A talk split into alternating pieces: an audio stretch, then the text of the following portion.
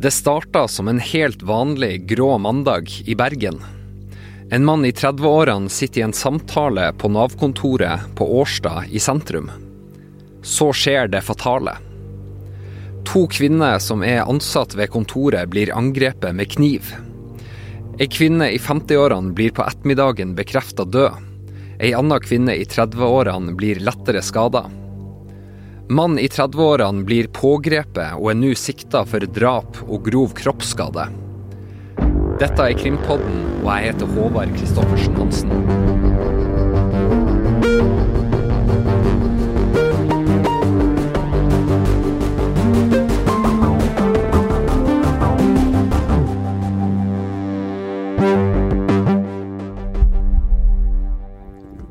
Påtaleansvarlig for saken, politiadvokat Kristine Møen Wisløff, sa dette på en pressekonferanse på mandag.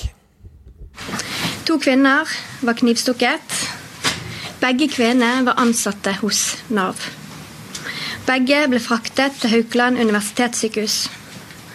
En kvinne i slutten av 50-årene døde som følge av skadene.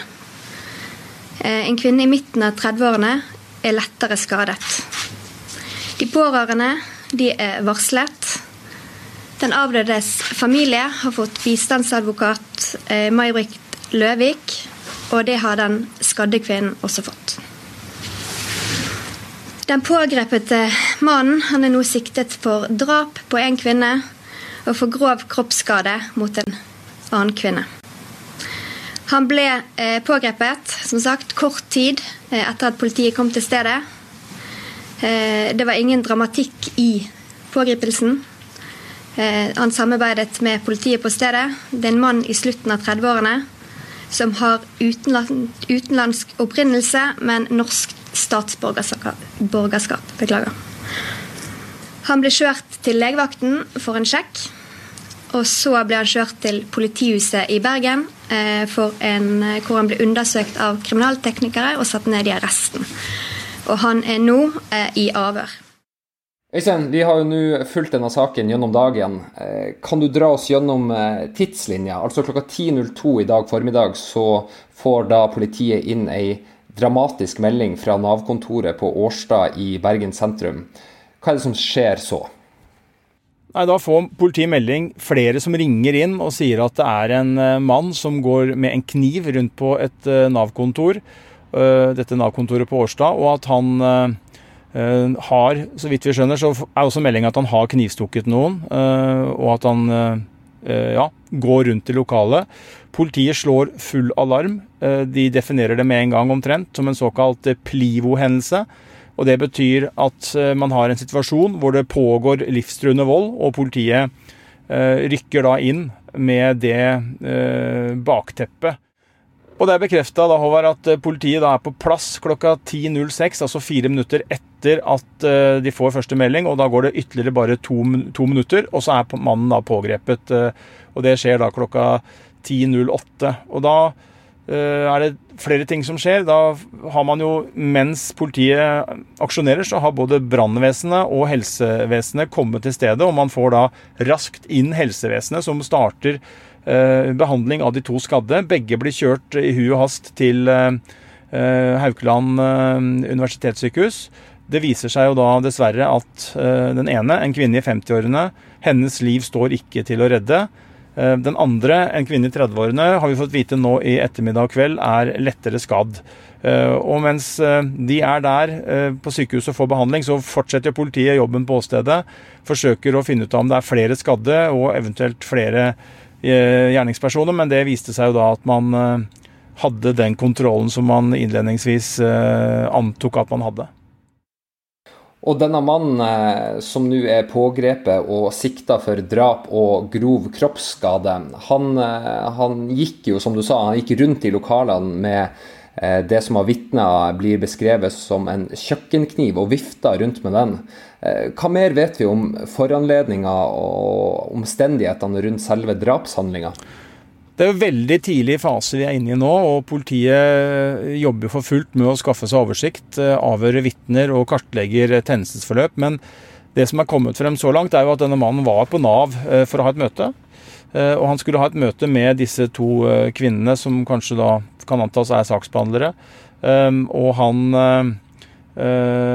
har da på et tidspunkt, uten at vi vet noe om foranledningen, trukket frem denne kjøkkenkniven. Og sånn politiet ser det, så er han da angrepet dem. Han er sikta for drap og grov kroppskrenkelse. Og når jeg sier at sånn politiet ser det, så er det fordi at vi vet ikke hvordan denne mannen stiller seg til siktelsen. Vi vet ikke om han erkjenner, og han skal selvfølgelig betraktes som uskyldig frem til det motsatte er bevist, ved eventuelt en dom.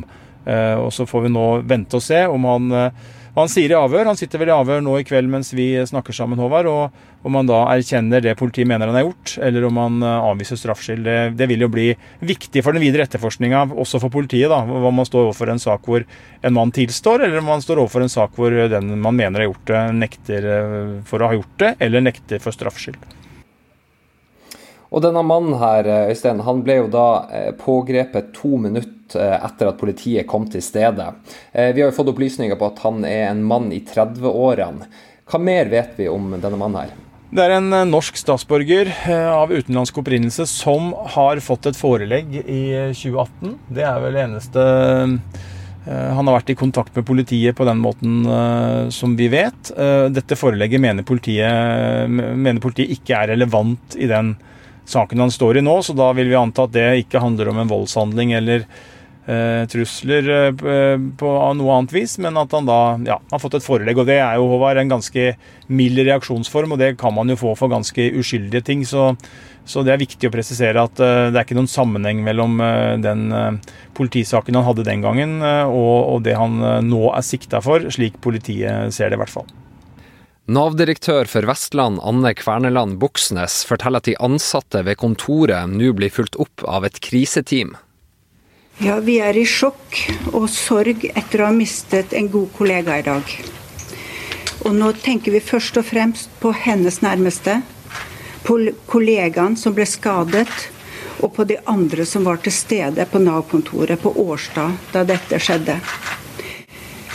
Nav skal være en trygg arbeidsplass og et trygt sted å komme til for dem som trenger oss.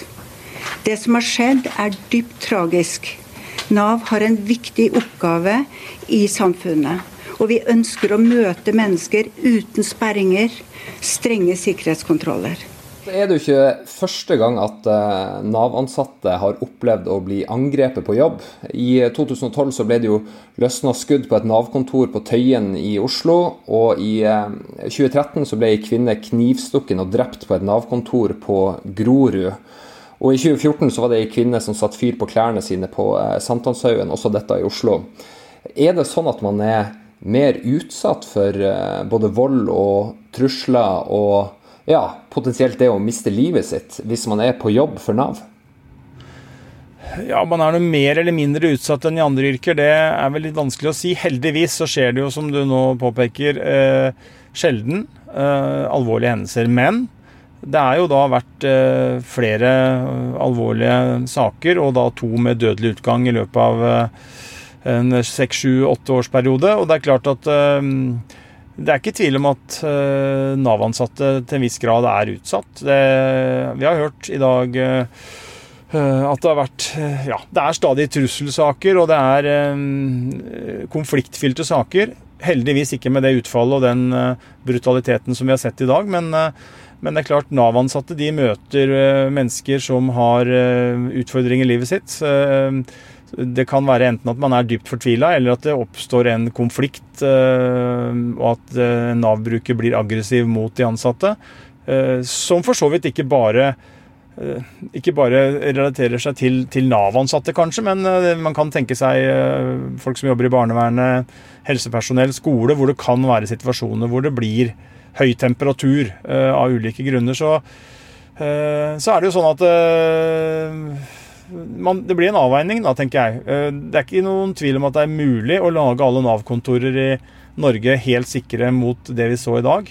Eh, men da må man jo bevege seg i retning av det som vi kjenner fra fengselsvesenet, med glassplater og adskilte soner hvor eh, den som er på besøk på et Nav-kontor, ikke kan komme innenfor den sonen som de ansatte befinner seg i, og kanskje også ha noe sikkerhetskontroll osv. rundt Nav-kontorene. og det høres jo voldsomt ut, og det er det kanskje også. Så, så det er på en måte, men det er, de, det de vurderingene man må gjøre hvis man ønsker da, å på en måte gå dit. Og så vet jeg at man har gjort en rekke tiltak som er imellom eh, de to ytterpunktene vi nå, nå snakker om. Da, fra ikke å ha noen sikkerhetstiltak som man kunne hatt, men det er jo ikke der vi er i dag. Det er jo en rekke sikkerhetstiltak som er innført bl.a. pga. de episodene du nevnte, Håvard. Eh, men mellom eh, det å ha ingenting og ha et veldig voldsomt sikkerhetstiltak, så, så det jo, må man finne, finne den såkalte gylne middelvei. Den skal ivareta Nav-brukerne, at de kommer i kontakt med de ansatte på en fornuftig måte, og den skal ivareta sikkerheten til de ansatte. Så jeg er helt sikker på at den saken her den kommer til å medføre at man må se på sikkerheten til Nav-ansatte og hva man kan gjøre en gang til.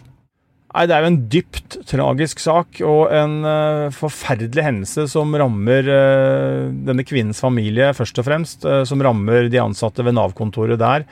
Og som rammer hele Nav-systemet og, og, for så vidt også andre offentlige ansatte. fordi at det skal selvfølgelig være trygt på jobb. Man er på jobb i samfunnets tjeneste. Man eh, har en jobb hvor man skal forvalte eh, si, offentlighetens midler eh, og ivareta mennesker som har behov for det, at de får hjelp. Og dette er jo svært viktige jobber hvor vi trenger at de som jobber der, er trygge på at de kan gå på jobb og gå hjem fra jobb uten at det skjer noe dramatisk. Så dette er eh, ja, dette er ufattelig, og, og, det er heldigvis sjelden det skjer, men det en gang er en gang for mye, selvfølgelig. Og det er klart at nå må man gi de som trenger det, krisehjelp og oppfølging, og man må forsøke å finne ut av hvorfor dette skjedde, og man må se på hva man kan gjøre for å unngå at noe lignende skjer igjen. Men, men det er jo ingenting av de tinga der som på en måte reverserer den uh, tragedien som uh, traff Eh, da de to kvinnene i dag, og den ene da eh, dessverre eh, kosta det livet for.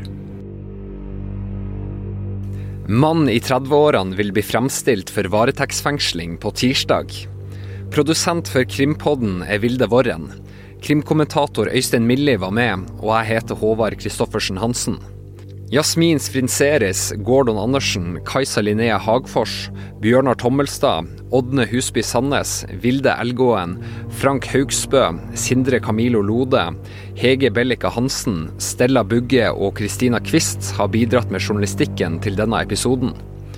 VG følger denne saken tett i tida framover. Krimpodden er tilbake med en ny episode på torsdag. Vi høres da.